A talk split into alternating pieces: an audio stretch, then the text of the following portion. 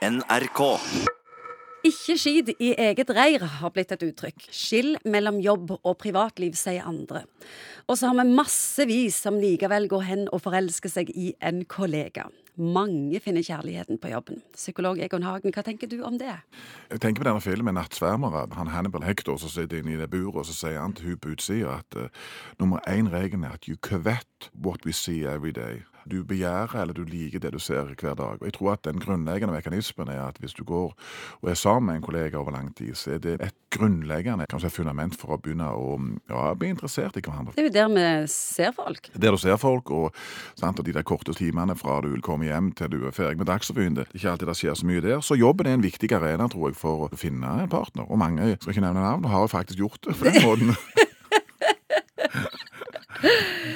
Hvordan drar du kjærligheten inn i et åpent kontorlandskap da, på en uproblematisk måte? Ja, eller et spørsmål er hvordan kan du holde det vekke. Noen ganger så er det faktisk det som er spørsmålet. Ja. Vi forstår ikke alt dette, men plutselig så kan du treffe en eller annen der som ser deg eller berører deg på en måte som du ikke har opplevd før. Og så er det en måte faktisk òg å det Arbeidslivet fra åtte til fire er jo sånn sett et ganske risikoreduserende tiltak i forhold til å være veldig impulsive. Du får sett folk i ulike situasjoner.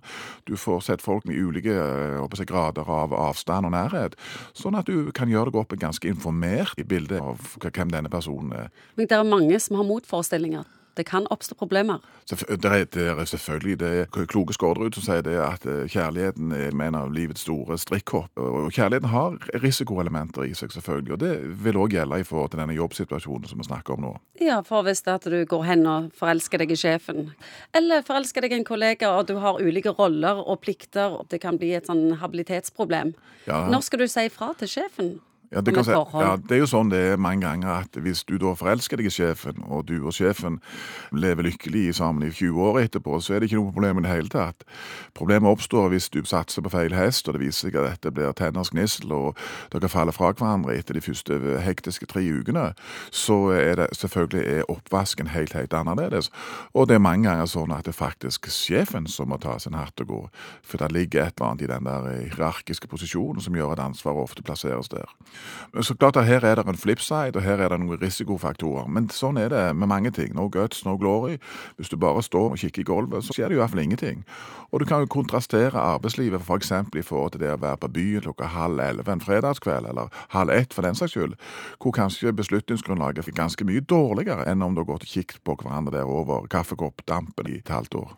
Du er positiv til at folk finner kjærligheten på jobb, men når skal to kollegaer gi beskjed om dette, eller skal de gi beskjed om dette til ja, en, leder, ja, må, en leder? Da må man nyansere litt, tror jeg, Ingvild. For det er ikke sånn udelt positiv. Klart at det, det, å gjøre ting på jobben er jo ikke en vaksine mot de alminnelige tyngdelovene. sånn at hvis du tar feil, og du roter det til, eller det sett at det blir mislykka, og så ble det ikke det helt store, så er det en litt sånn flau og dum smak egentlig for dere begge to.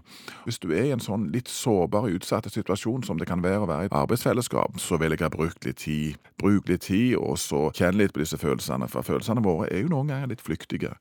Og det kan vise seg at det som føltes veldig kjekt i en tre-fire ukers periode, så bare fordamper det. Og da er det kanskje litt lurt å ha ja, hold your horses, altså. Avvent litt.